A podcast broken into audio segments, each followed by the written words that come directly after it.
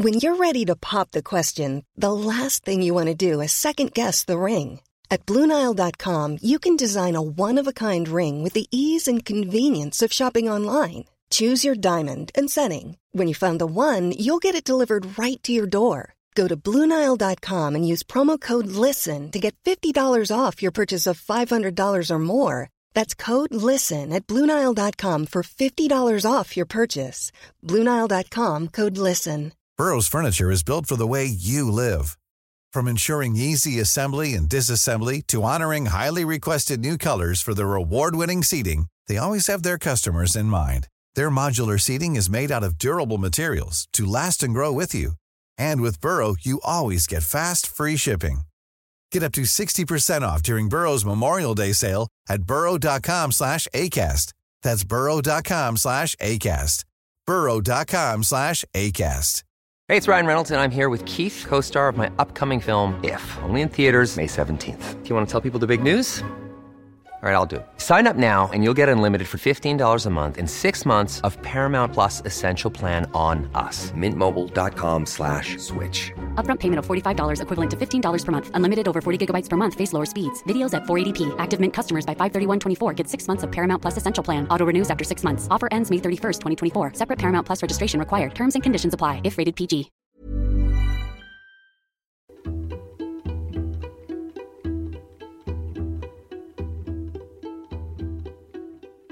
Du lyssnar på Rättegångspodden och del 2 om dödsskjutningen i Katrineholm.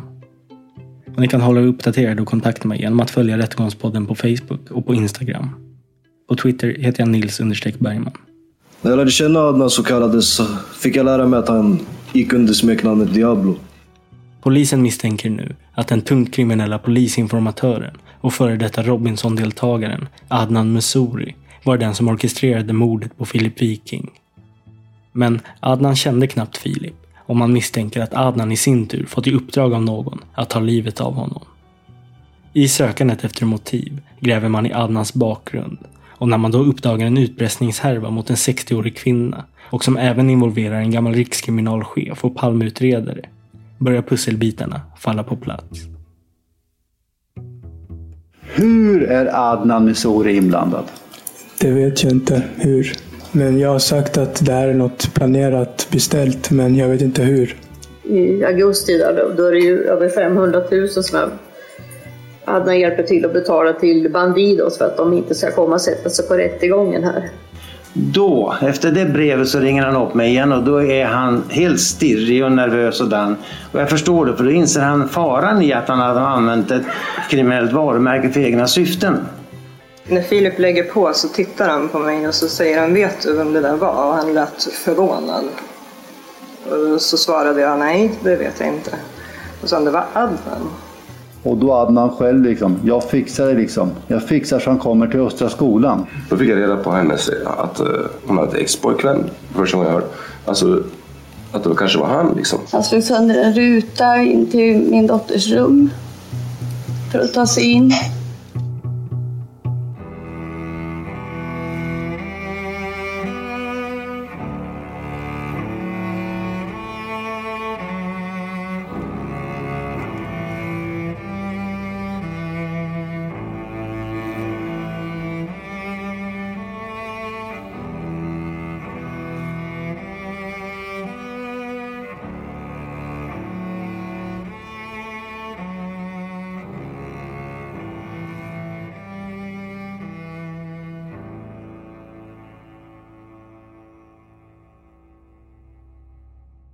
För att förstå varför någon skulle vilja ta livet av Filip Viking riktar man inte bara blickarna mot Adnans bakgrund, utan även mot Filips.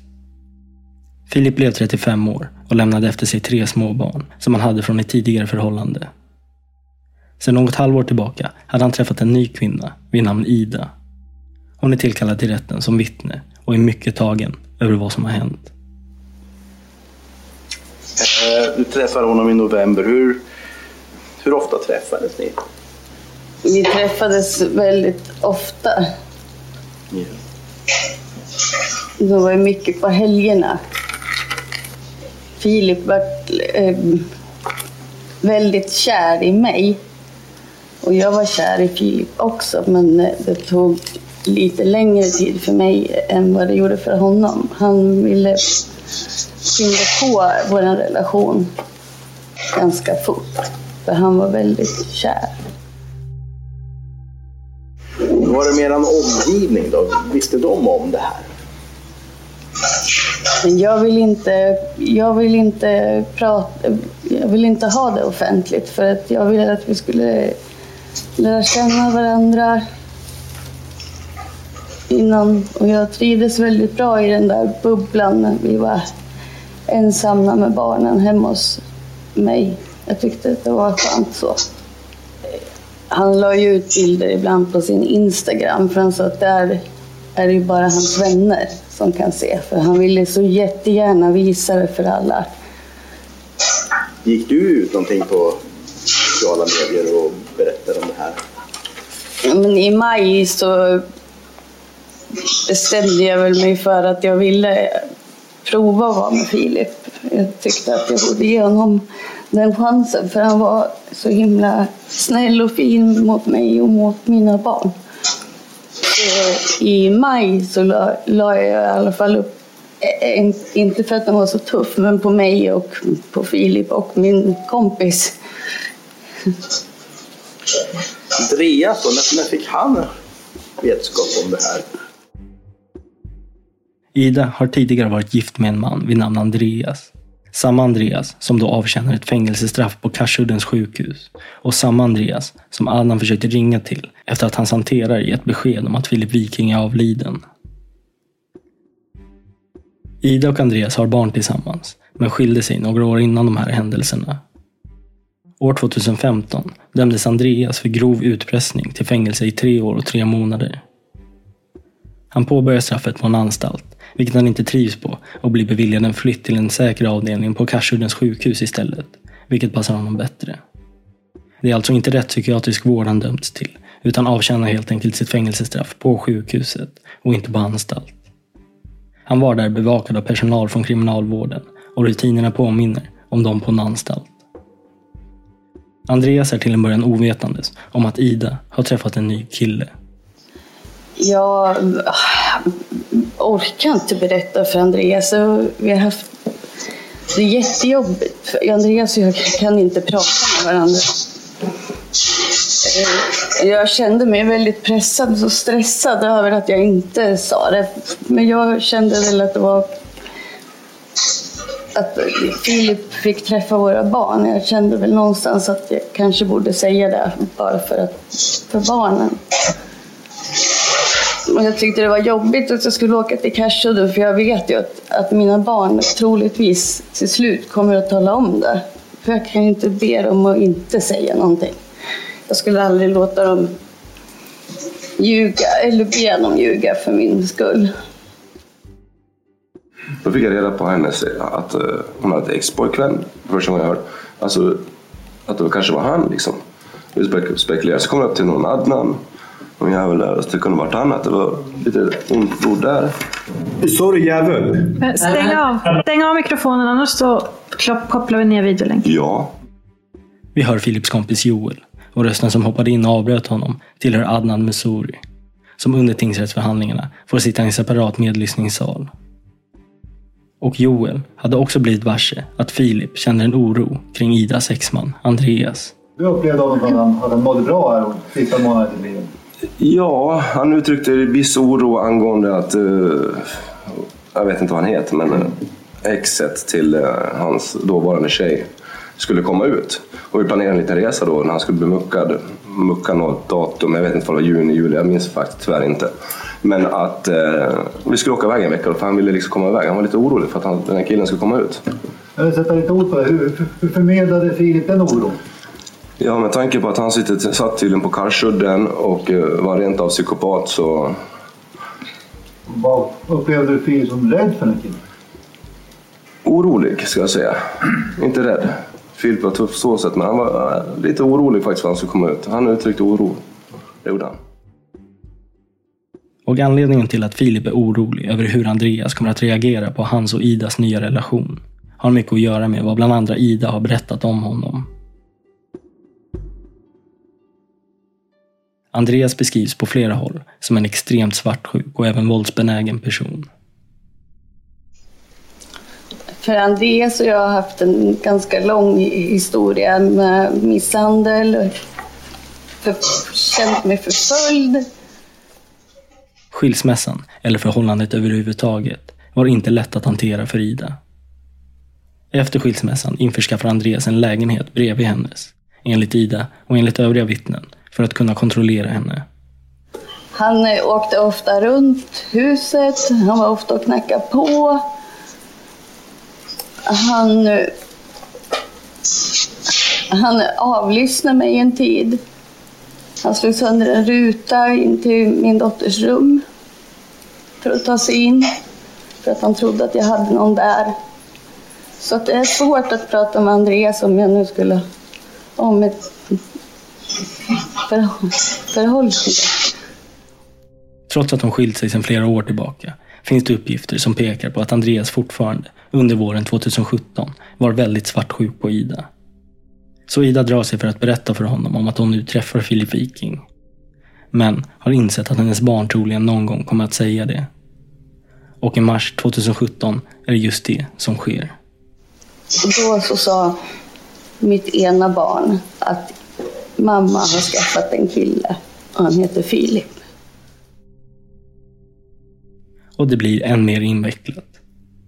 Andreas relation till Adnan Mesuri är inte helt fastställd.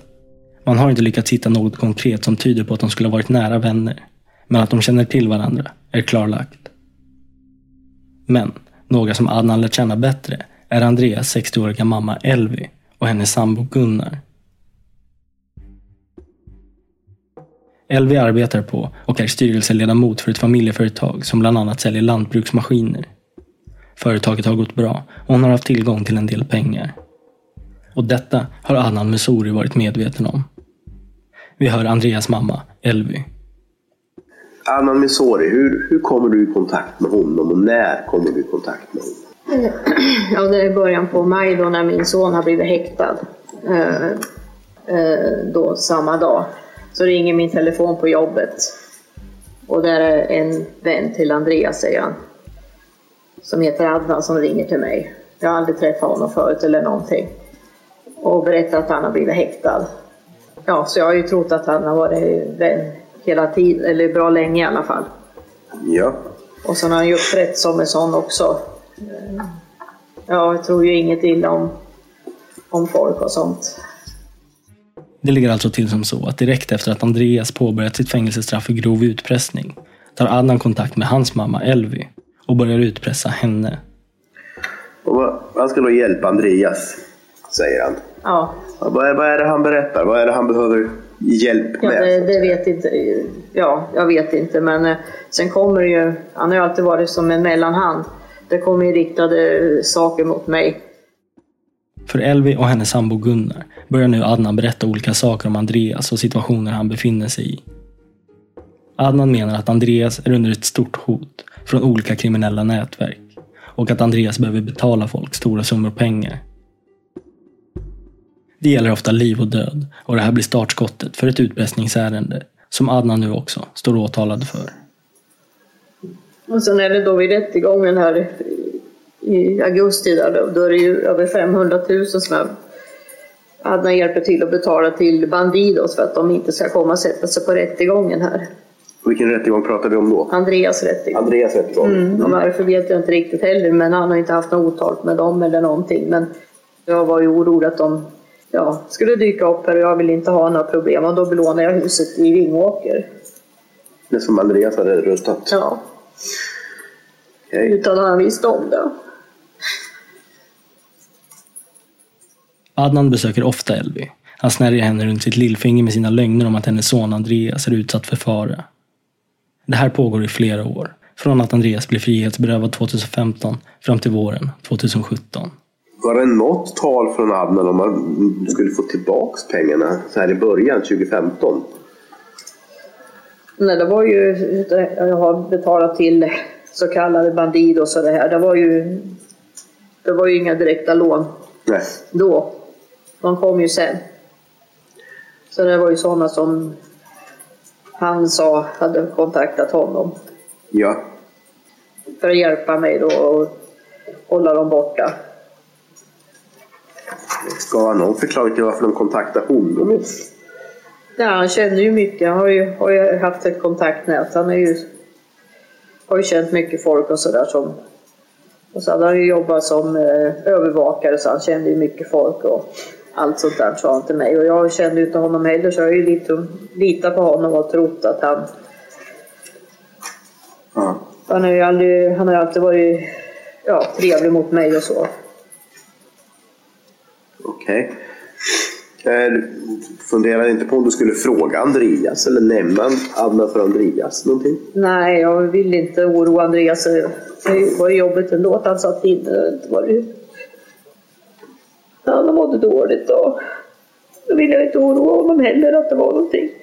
Nej. Så därför har jag inte berättat någonting. Elvi berättar alltså aldrig någonting för sin son Andreas om vad som försiggår. Och Andreas förblir ovetandes om vad Adnan utsätter hans mamma för under tiden han sitter inlåst. Beloppen som Elvi lånar ut till Adnan sträcker sig slutligen upp till 15 miljoner kronor. Vid ett tillfälle, när den här utpressningen pågått ett tag, reagerar Elvis bank på att något inte verkar stå rätt till med alla transaktioner Elvi gör och anlitar en privat rådgivare som de ber kolla närmare på det här. Ja, min bakgrund, yrkesbakgrund är den att jag är jurist i botten. Kom in i polisväsendet 1970, 71 och hamnade på Rikspolisstyrelsen och blev chef för Rikskriminalpolisen 1981. Och där stannade jag i 12 år. Sen har jag slutat inom polisen 96. Och eh, därefter har jag jobbat som privat rådgivare när folk har råkat illa ut, som i det här fallet. Tommy Lindström är som ni hör en erfaren polis och ett välkänt ansikte inom både poliskåren, men också för allmänheten, då han arbetat som rikskriminalchef och då även arbetat med Palmemordet. Inget av de här hoten och hotarna får Elvi och Gunnar träffa, utan det är hela tiden Adnan som för fram de här hoten. Så att de litar på honom och tror att det är så här och blir naturligtvis väldigt störda, inte minst Elvi. Och jag hade under lång tid svårt att få prata med Elvi egentligen och få henne att förstå det här. Vi kommer in på 2017 innan hon börjar eh, inse att hon är lurad och pressad. Och det beror förmodligen på den situation hon har haft med sonen som är frihetsberövad och det bekymmer hon har med honom, det här bekymret hon har med Adnan som ligger på och frågar om pengar. För i början, under 2015 och början av 2016, så när man tittar på situationen där så kan man tro att det är en lånebild. Hon lånar ut pengar till Adnan.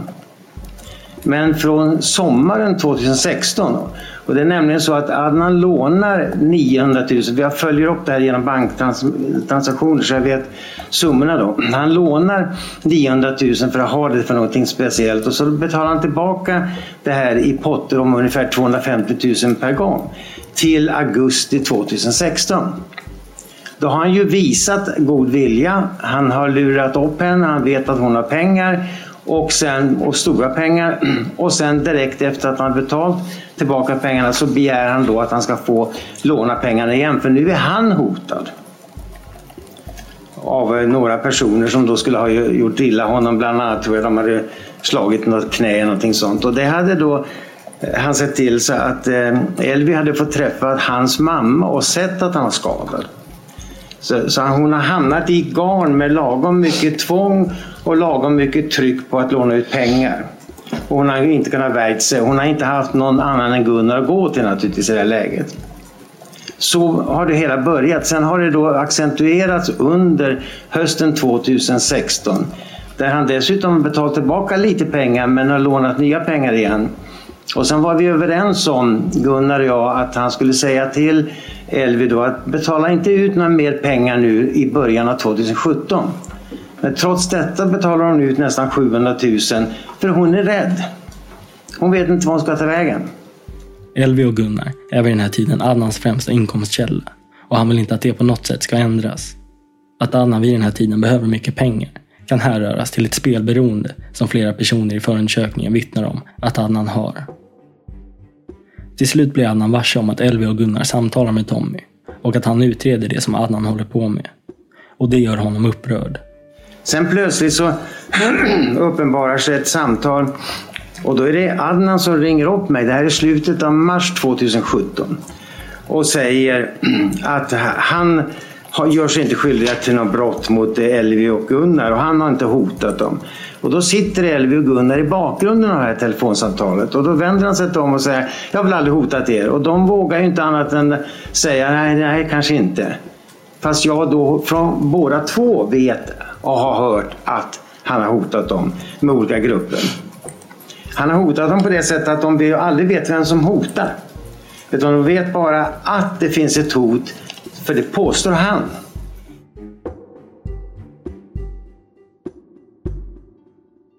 Tommy sätter sig ner och funderar över hur han på bästa sätt ska lösa det här problemet. Och bestämmer sig till slut för att skriva ett skarpt brev.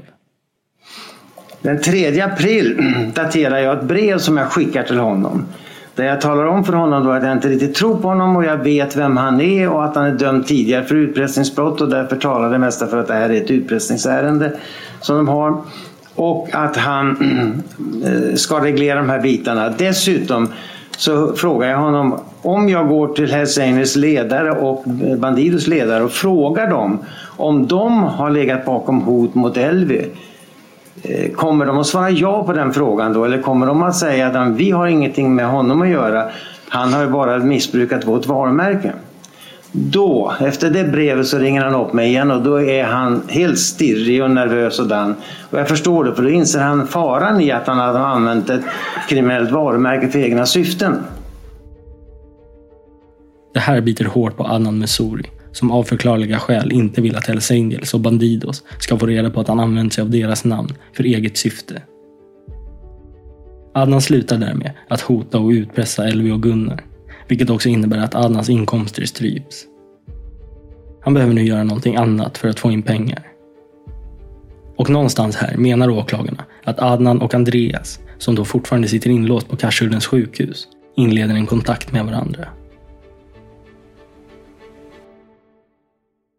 Den tiden så var Adnan jättekonstig. Alltså han blev konstigare och konstigare.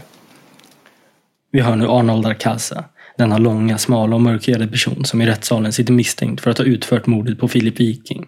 Alltså personen som höll i vapnet och sköt Filip till döds med sex skott. Han vittnar om att Adnan och Andreas under våren 2017, en eller ett par månader innan mordet skedde, haft ett telefonsamtal med varandra. Var det någon som skulle få betalt för att delta i mordet på Filip Viking? Ja, det uppfattade det var väl Adnan själv. Och hur vet du det? För det var det jag uppfattade från samtalet. Var det någon annan som skulle få, få pengar på grund av detta? Nej. Du förhördes av polisen den 20 september förra året, Arnold. Adnan skulle fixa det här mordet då, som sagt. Planera och det var, det var där grabbarna skulle få pengar. Har du sagt så till polisen? Ja. Och grabbarna här, är det Eddie och Fredrik vi ska förstå då? Ja.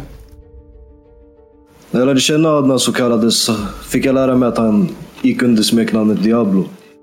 Vi hör Eddie, en av männen som också står åtalad för mord i första hand och i andra hand medhjälp till mord.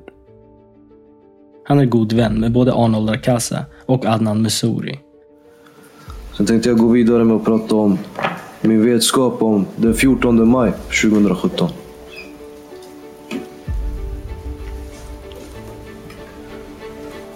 Jag minns ingenting från den här dagen.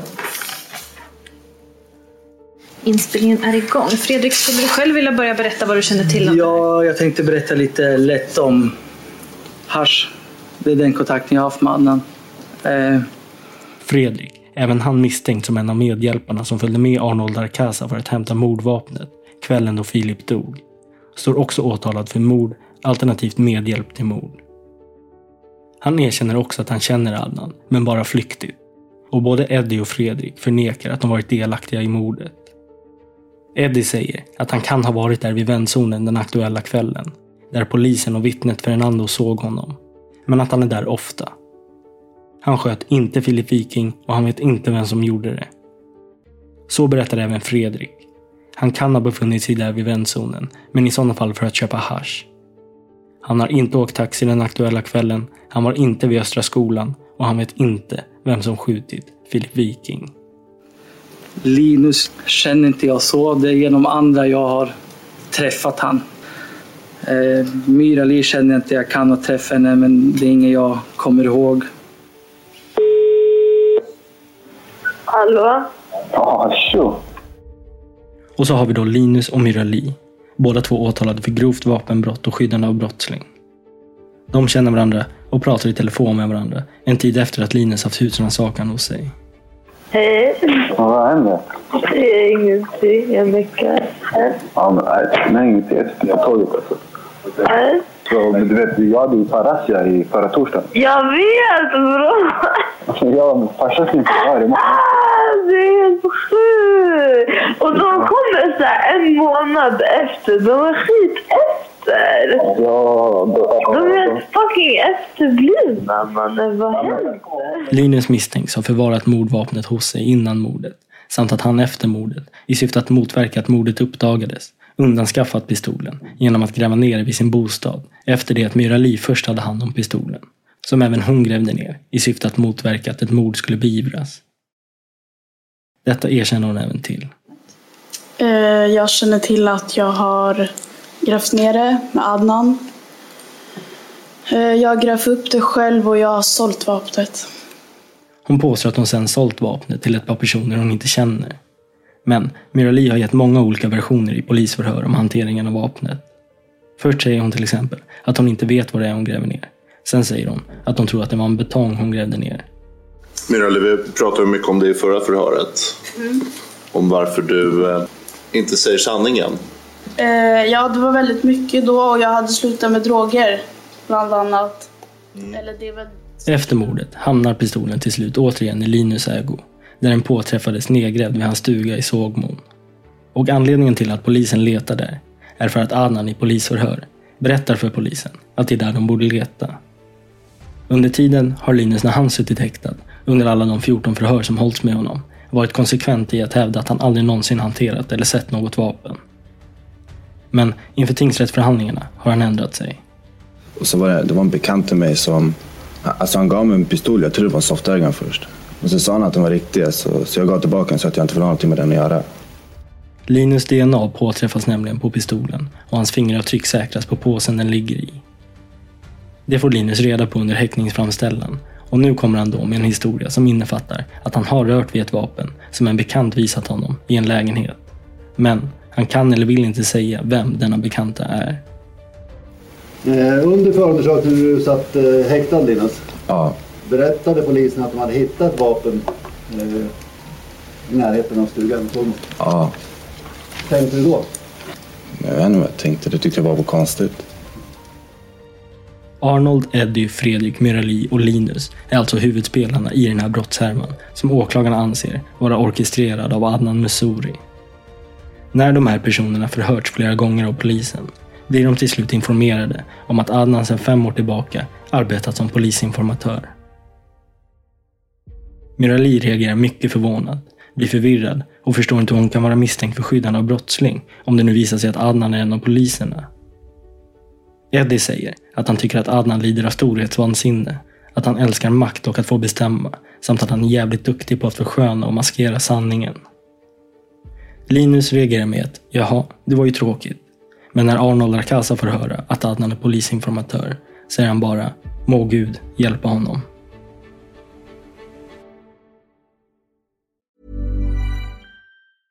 A lot can happen in the next three years. Like a chatbot may be your new best friend. But what won't change? Needing health insurance. United Healthcare Tri Term Medical Plans are available for these changing times.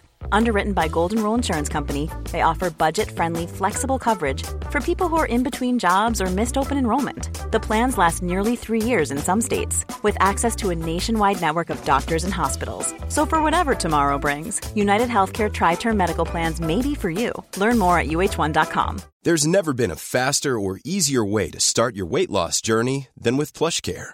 PlushCare accepts most insurance plans and gives you online access to board-certified physicians who can prescribe FDA-approved weight loss medications like Wigovi and Zepbound for those who qualify. Take charge of your health and speak with a board-certified physician about a weight loss plan that's right for you. Get started today at plushcare.com slash weight loss. That's plushcare.com slash weight loss. plushcare.com slash weight loss. Millions of people have lost weight with personalized plans from Noom, like Evan, who can't stand salads and still lost 50 pounds. Salads, generally, for most people, are the easy button, right? For me, that wasn't an option. I never really was a salad guy. That's just not who I am. But Noom worked for me. Get your personalized plan today at Noom.com.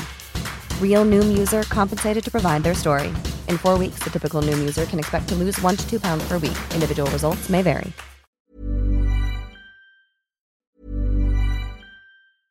Hey, it's Paige DeSorbo from Giggly Squad. High quality fashion without the price tag. Say hello to Quince. I'm snagging high-end essentials like cozy cashmere sweaters, sleek leather jackets, fine jewelry, and so much more. With Quince being 50 to 80% less than similar brands.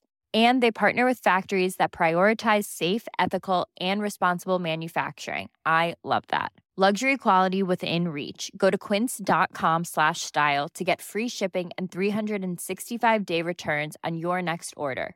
Quince.com slash style. Jag ställer en fråga. Var du till Östra skolan den här kvällen? Nej. Har du skjutit Filip Viking? Nej, absolut inte. Vi hör den 22-åriga Arnold Arcasa. Hur är Adnan Messouri inblandad? Det vet jag inte hur. Men jag har sagt att det här är något planerat, beställt, men jag vet inte hur. Hur vet du då att han är inblandad? Som jag har sagt tidigare, saker som han har sagt. Sen vet jag inte vad sanningen är. Har du sagt någonting annat till polisen här? Men det vet jag inte. Nej, jag ska inte läsa allt en gång till, men bara ta ett exempel på sidan 1937. Han sa det själv att för att grabbarna frågade, men hur ska du få honom? Var ska du ta honom till? frågade killarna. Vilka grabbar är det som, som frågar det? Ja, men det är Eddie och Fredrik liksom. Var ska han komma liksom? Och då hade han själv liksom, jag fixar det liksom. Jag fixar så han kommer till Östra skolan. Det är dit ändå. Säg att han ska köpa drog. Säg att han ska köpa droger. Så hade han sagt, jag fixar honom till Östra skolan. Ja, det var ju han som kunde få tag på han. Det var han som hade kontakt med. Grabbarna hade inga kontakt med han. Det var bara Adnan som kunde prata. Men Fredrik och Eddie då? Vad har de för inblandning i det här? Ja, de skulle bara få pengar för att gå och hämta vapnet, inga mer. De skulle få pengar, ja. Arnold är en av de tilltalade som kommer med mest detaljerade uppgifter om Adnan och om planen om att mörda Filip Viking. Men han hävdar att han själv inte har någon delaktighet alls i mordet. Han har bara överhört hur de andra, Adnan, Eddie och Fredrik, pratat om det efter att Adnan haft ett telefonsamtal med Andreas. Arnold Aracasa. Jag känner honom. Du känner honom? Ja, alltså, jag känner honom. Och vi hör nu Adnan Messouri. Både han och... Nu har jag hört, om vi pratar om Arnold Arakaza, han är smutskastad mig totalt och sågar benen av mig här i rätten, även sina förhör. Det är en kille som har lekt med mina barn. Och det är, en så, och det är samma kille också idag som anklagar mig för mord. I förundersökningen framkommer uppgifter från olika håll om att Adnan brukar kalla Arnold för sin soldier. Att han är en person som kan utföra saker åt honom. Detta säger även Adnan själv i förhör, vilket är en av många uppgifter han nu tar tillbaka. Du har beskrivit Arnolds roll som en, som en soldier. Ja, men det stämmer inte. En hjälpreda som kan utföra saker. Ja, det stämmer inte. Det stämmer inte alls. Nej, det är inget jag känner till i alla fall. Nej. För så har du sagt i förhör. Det är nog det här förhöret den 19 juli som du säger så. Utan advokaten. Det som du själv ville att vi skulle hålla. Mitt sinnestillstånd var inte den bästa, men ändå tillät ni att det skulle bli ett förhör utan advokat. Vad vet du om Filip? Ja, att han är död. Ja, men innan han dog, vad visste du om honom då? Skötsam, trevlig kille. Jobbar på Harris i Katrineholm. Det är inget konstigheter. Alltså, jag känner inte honom. Utan de gångerna vi har setts, ja, det har varit när han har lagat mat på Harris och jag har alltid velat att han skulle laga min mat för att han gjorde allt extra. Beklagligt verkligen det som har hänt. Så är det bara. Polisen har liknat Adnans telefonanvändning under mordkvällen vid en sambandscentral. Hans nummer har flera gånger ringt till en väsentlig telefon för utredningen, en som slutar på 5006. Det är ett komplicerat pusslande polisens utredare gjort för att genom telefontrafiken försöka få klarhet i vem som har gjort vad, befunnit sig var och varit den drivande. Numret som slutar på 5006 tror man under kvällen har använts av Eddie. Det var inget möte, men i alla fall när Fernando ser er vid kvart över sju-snåret där utan, och står och röker. Vid tiden för det mötet, som äger rum vid vändzonen timmen innan mordet, sker ingen trafik alls mellan numren och de kopplar upp på samma mast. Man drar då slutsatsen att Adnan och Eddie bör ha varit i närheten av varandra. Det var en slump att han åker förbi där. Vi Absolut. hänger där fyra, fem gånger om dagen. Och det är där jag bor. Det är där jag kan vistas och röka. Okej. Det är inget möte. Det har aldrig varit något möte överhuvudtaget. Adnan förnekar inte att han kan ha stått där vid den där tiden och rökt tillsammans med Eddie och även med Fredrik. Men telefonernas position och kommunikation är viktigt att fastställa som stödbevisning. Adnan hävdar dock att Arnold Arcasa inte överhuvudtaget var med dem under den kvällen. Sen är det ju någon som under kvällen varit i kontakt med Filip Viking och fått honom att bege sig till Östra skolan. Har du någon kontakt med Filip den 14 här Nej. han dör? Ingen kontakt med Filip den 14. Vet du om Eddie eller Fredrik har någon kontakt med Filip? Vad jag vet så har inte Eddie och Fredrik haft någon telefon överhuvudtaget när de kom till mig. Och de har inte pratat om Filip Viking. Nej, För du har ju sagt i ett antal polisförhör att Eddie och Fredrik vill ha kontakt med honom den här kvällen den 14. Jag vet, jag har läst det själv mina förhör. Men alltså, jag, det stämmer inte. Vid 1937, en halvtimme innan mordet, så är det klarlagt att någon eller några av de tilltalade har kontakt med Filip Viking. Men kontakten sker via en app som heter Wicker. Filip Viking befinner sig då hemma hos sina föräldrar, bara några hundra meter ifrån mordplatsen. De skulle träffa honom. Han skulle till O'Learys, Filip Viking. De skulle träffa honom där på O'Learys först. Det var där de skulle träffa honom där och prata med honom. Filip Viking ville inte göra det öppet. Nej, okej. Men de ohörbart före. Vi ska kolla upp var han bodde. Vi pratade med honom när ingen såg på Östra skolan. De ville jag skulle be honom komma till O'Learys. Jag sa, ni får inte göra illa honom. Ni får inte göra någonting. Jag framstår det som att du visste att de skulle träffa Filip Viking på O'Learys. Nej, det är ingen som har skrivit till mig. Jag har, det har aldrig hänt. Det har aldrig hänt? Då tycker jag att du ska bevisa det. Bevisa det tekniskt sett. För det här är bara skitsnack allt jag har sagt. Av psykoser och egna hypoteser. Och det är just för att någon eller några av de tilltalade använt appen Wicker som gör att det är svårt att få fram just teknisk bevisning. Wicker är en krypterad meddelandetjänst och polisen kan enbart se att kontakt med Filip har gjorts via appen. Men man har ingen aning om vad för typ av information som har skickats mellan mobilerna. Den här appen är Adnan en flitig användare av och man tror även att det är Adnan som sett till att Filip installerat appen på sin telefon. Två dagar innan mordet skjutsar Filips kompis Jill hem honom från Norrköping och överhör då ett samtal som Filip har med Adnan. Och jag hörde ju delar av samtalet eftersom att Filip satt bredvid mig i, i, i framsätet. Ehm, och där pratades det om att de skulle höras vidare på en app som hette Wicker. Jag har för mig att han fick ett användarnamn som han skulle liksom den som han skulle prata med hade det här användarnamnet men jag minns inte det. När, de lägger, när Filip lägger på så tittar han på mig och så säger han vet du vem det där var? Och han lät förvånad. Och så svarade jag nej, det vet jag inte. Och han det var Adnan. Och att Adnan använder sig av Wicker framgår även i de hemliga telefonavlyssningarna. Där han även förmår Mirali att använda sig av den. Eh, vad har du Wicke? Vad var det? Ja. Men lägg till mig då. Ja, men jag har gjort det. Att det är 85. Ja. Jalla hej. Ta på, ta på. Hallå? Ja. Ta för du har så här två minuter bara så det kan raderas. Ja. Känner dig. Du har ju förhör sagt att du har haft hans vicker. Det stämmer inte. Jag kan inte kommunicera. Och de som vet det, både Fredrik och Eddie Myreli, de kan bekräfta. Min display har varit trasig. Jag har sparat på måfå telefon. Samtidigt är det ju uppenbart att du använder telefon ganska mycket om vi tittar på samtalslistor och annat. Jo, men kan du se att jag har skrivit och skickat sms? Det kan jag inte, för jag har inte kunnat göra det. Okej.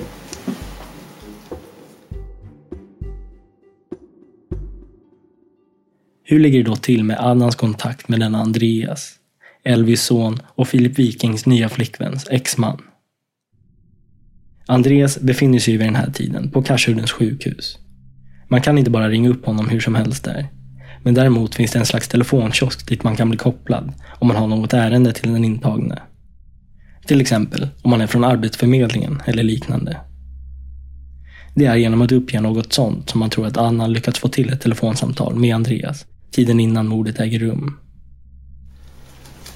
Andreas man har vi inte pratat om. Ja, du berättar, hur känner du honom eller känner du honom? Jag känner inte honom. Vad vet du om honom? Inte så mycket. Vi är inte vänner. Vi har haft gamla problem ihop, men det är någonting som... Mm. behöver inte tala om här i rätten. Har du ringt honom någon gång här under våren? Aldrig pratat med Andreas. Sist jag träffade honom 2014, men då sa vi inte så mycket. Vi hamnade i slagsmål. När vi hörde Arnold där förut så sa ju han att han hade hört när du pratade med Andreas, eller i vart fall ringde Karsudden och pratade med någon. Det stämmer inte. Det stämmer inte.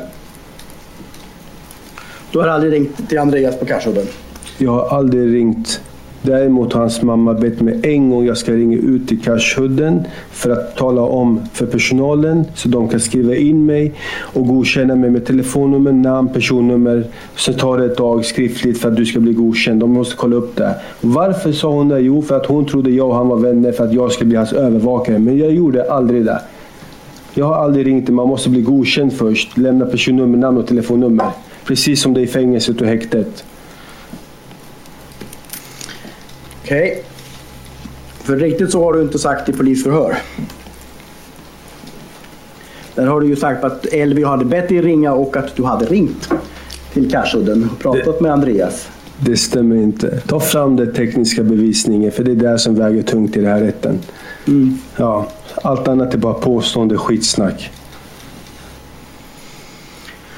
Du har i förhör ringt och sagt, eh, ringt och då skulle Andreas ha varit på dig för att du var skyldig honom pengar. Det stämmer inte. Och att han ville ha tillbaka sin leksak. Det stämmer inte. Och i polisförhören, där Adnan är mycket mer frikostig i sina utsagor, nämner han att han haft en skuld till Andreas.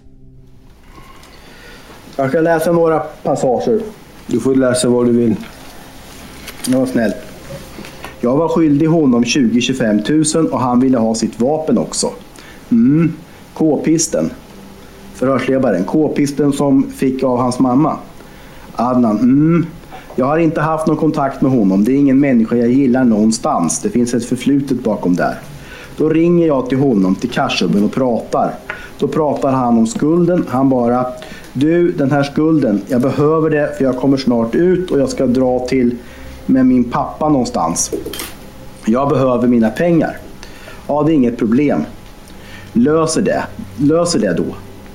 Här säger du att du har ringt till Andreas på Elvis uppmaning och han vill ha tillbaka sina pengar. Det stämmer inte. Så du är inte skyldig honom några pengar? Absolut inte. Jag har inte ringt honom. I så fall hade ni sett några samtalslistor. Jag har hört rykten här på Flashback att det skulle vara någonting med Ida, det ena. Jag har samlat ihop allt det här. Agg mot människor tillsammans. Och och ett utsag som jag inte ens koll på det själv. Det stämmer inte. Åklagarna tror att det ligger till så här. Efter att den före detta rikskriminalchefen, numera privata rådgivaren Tommy Lindström, satt stopp för Adnans inkomstkälla, blir det viktigt för Adnan att återigen börja få in pengar genom att då bistå Andreas med det han behöver hjälp med, nämligen att sätta stopp för Ida och Philips förhållande, blir det ett läge för Adnan att dels kunna pressa ut mer pengar, men också få betalt för själva åtgärden. För de övriga inblandade är åklagarnas påstående att Adnan uppger att de ska få vara med och dela på de pengar som kommer loss. Alltså ekonomiska motiv för alla andra än Andreas. Det är när utredarna hör vänner, bekanta och anhöriga till Filip som bilden av att Andreas vill ha bort Filip börjar klarna. Och Filip ska inte ha försökt hålla sitt förhållande med Ida hemligt. Han var ju inte liksom eh, speciellt blygsam med att gå ut med det på sina sociala medier då, på Facebook och Instagram. Pratar du och, och, och Filip någonting om, om Andreas och vad som skulle hända när han kom ut och sådär? Ja, alltså han nämnde, jag minns exakt när det var, för det var nämligen sista helgen jag träffade Filip, 15 april. Så nämnde han för mig att, eh, att eh, om han skulle få veta det här med Ida då, eh, så skulle han ha ihjäl honom. Berätta för oss, vad var det för uppgifter som var intressanta? Eh, han sa att, han, ja, att det var någon som var ute efter honom. Helt enkelt. Ja, han var orolig över att om han skulle få reda på deras förhållande. Bara så vi förstår, vi har inte varit med sen. Hur förmedlade han detta till dig? Filip alltså? Eh, Han berättade det. Vad använde han för ord? Han sa det vid flera olika tillfällen men jag kommer ihåg ett specifikt tillfälle då sa han ja, ironiskt sett det ska bli kul när Andreas kommer ut och ser vad som kommer hända. Och jag hade ju liksom ingen aning, men min sambo visste ju vem hon var liksom, och vem hon hade varit tillsammans med och allting. Så här. Sen berättade han då att han hade blivit hotad för att han skulle, vad heter det, att han skulle ge fan i att träffa Ida. Att det liksom inte var den rätta tjejen för honom. Eh, vi var ju inte med här och det är ju länge sedan, det förstår jag Christian. Men kan du bara berätta för dig, vad använder, vad, vad använder Filip för ord? Nej, han, han sa till mig att han hade blivit hotad. Alltså att eh, han skulle ge fan i Ida. Så sa han. Vet bara att han sa att han hade fått ett, ja, men ett hot. Då. Att ja, men det var någon som var ute efter honom liksom, och sådana grejer. Är det dina ord nu eller ska vi uppfatta att Filip sa så till dig? Nej, men han, han sa något liknande i den stilen. Alltså. Att han hade blivit hotad via omvägar, är det så vi ska förstå det? Ja. Och vem hade hotat honom via omvägar? Eh, Andreas. Sa han Andreas namn? Ja. Sa han något efternamn? Nej. Men han sa namnet Andreas? Ja. Man tror alltså att det är efter Adnan fått uppdraget av Andreas att göra sig av med Filip som Adnan anlitar sin soldier. Vi hör Arnold Arcasa. Vad vet du om, om planeringen på mordet på Filip Viking då?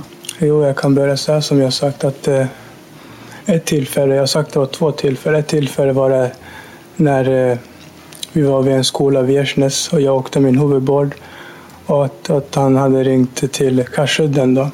Och det här är en sak som kommer från honom men jag vet ju inte sanningen för jag visste inte något om det här då. Men i alla fall att han ska ha ringt till en Andreas, att han skulle prata med honom om Filip. Sen var det inget mer med det och det var jag och han bara. Någonting annat? Och den andra gången då, då var det att jag satt eh, vid kyrkan med Fredrik och Eddie. Vi satt och tog det lugnt. Och sen kom Adnan gåendes där och, eh, ja, och började, började prata om det här i sitt huvud, så att säga. Vad pratade Adnan? Ja, han, han säger att han kom fram och sa att jag ta bort Filip. Och jag blev nyfiken för att den tiden så var Adnan jättekonstig. Jag trodde inte på det. Det var bara så långsökt. Det var, det var konstigt. Men du ska alltså ha hört Adnan säga att ta bort Filip? Ja, precis. Och då visste jag inte vem Filip var. Jag visste inte om Andreas var. Jag visste ingenting. Det var som spökar för mig. Jag visste inte vad... Ja. Mycket pekar på att Andreas haft ett agg mot Filip Viking. Men det kommer krävas mycket av åklagarna för att få honom fälld för anstiftan till mord, som Andreas står åtalad för. Det som är lite intressant är det samtal jag har med Andreas. Det är den 28 8 juni, då är han på Karsudden. Och under tiden Tommy Lindström gräver i utpressningsärendet har han kontakt med Andreas och reagerar på en uppgift som där framkommer. Och det Andreas säger till mig då det är det att jag och, och eh, Adnan är inga kompisar. Och ni har varit dumma som har gett honom pengar. Och eh, han menar på då att vi ska göra en anmälan till polisen på utpressning och vi måste göra det. Märk väl, dagen efter så grips ju Adnan misstänkt för det här mordet. Och nu har jag förstått att någon tror att Andreas ligger bakom mordet här men Andreas vill alltså dagen före Adnan grips för det här brottet så vill han att jag ska göra en polisanmälan mot Adnan för utpressning. Hade han legat bakom en anstiftan till mordet så hade han väl inte anmält den som ska verkställa hans eget brott. Det är bara en fundering jag har. Ja, nu pratar vi inte om just om den gärningen här idag. Nej, men jag kommer inte vara med på den andra. Ja. Mer från Andreas hör vi i den tredje och sista delen, som även innefattar en mystisk granatsprängning mot polishuset i Katrineholm under nyårsnatten 2016-2017. Även det är en händelse som tycks härröras till Adnan Mensouri. Mitt namn är Nils Bergman, ansvarig utgivare är Jonas Häger. Stort tack för att ni har lyssnat.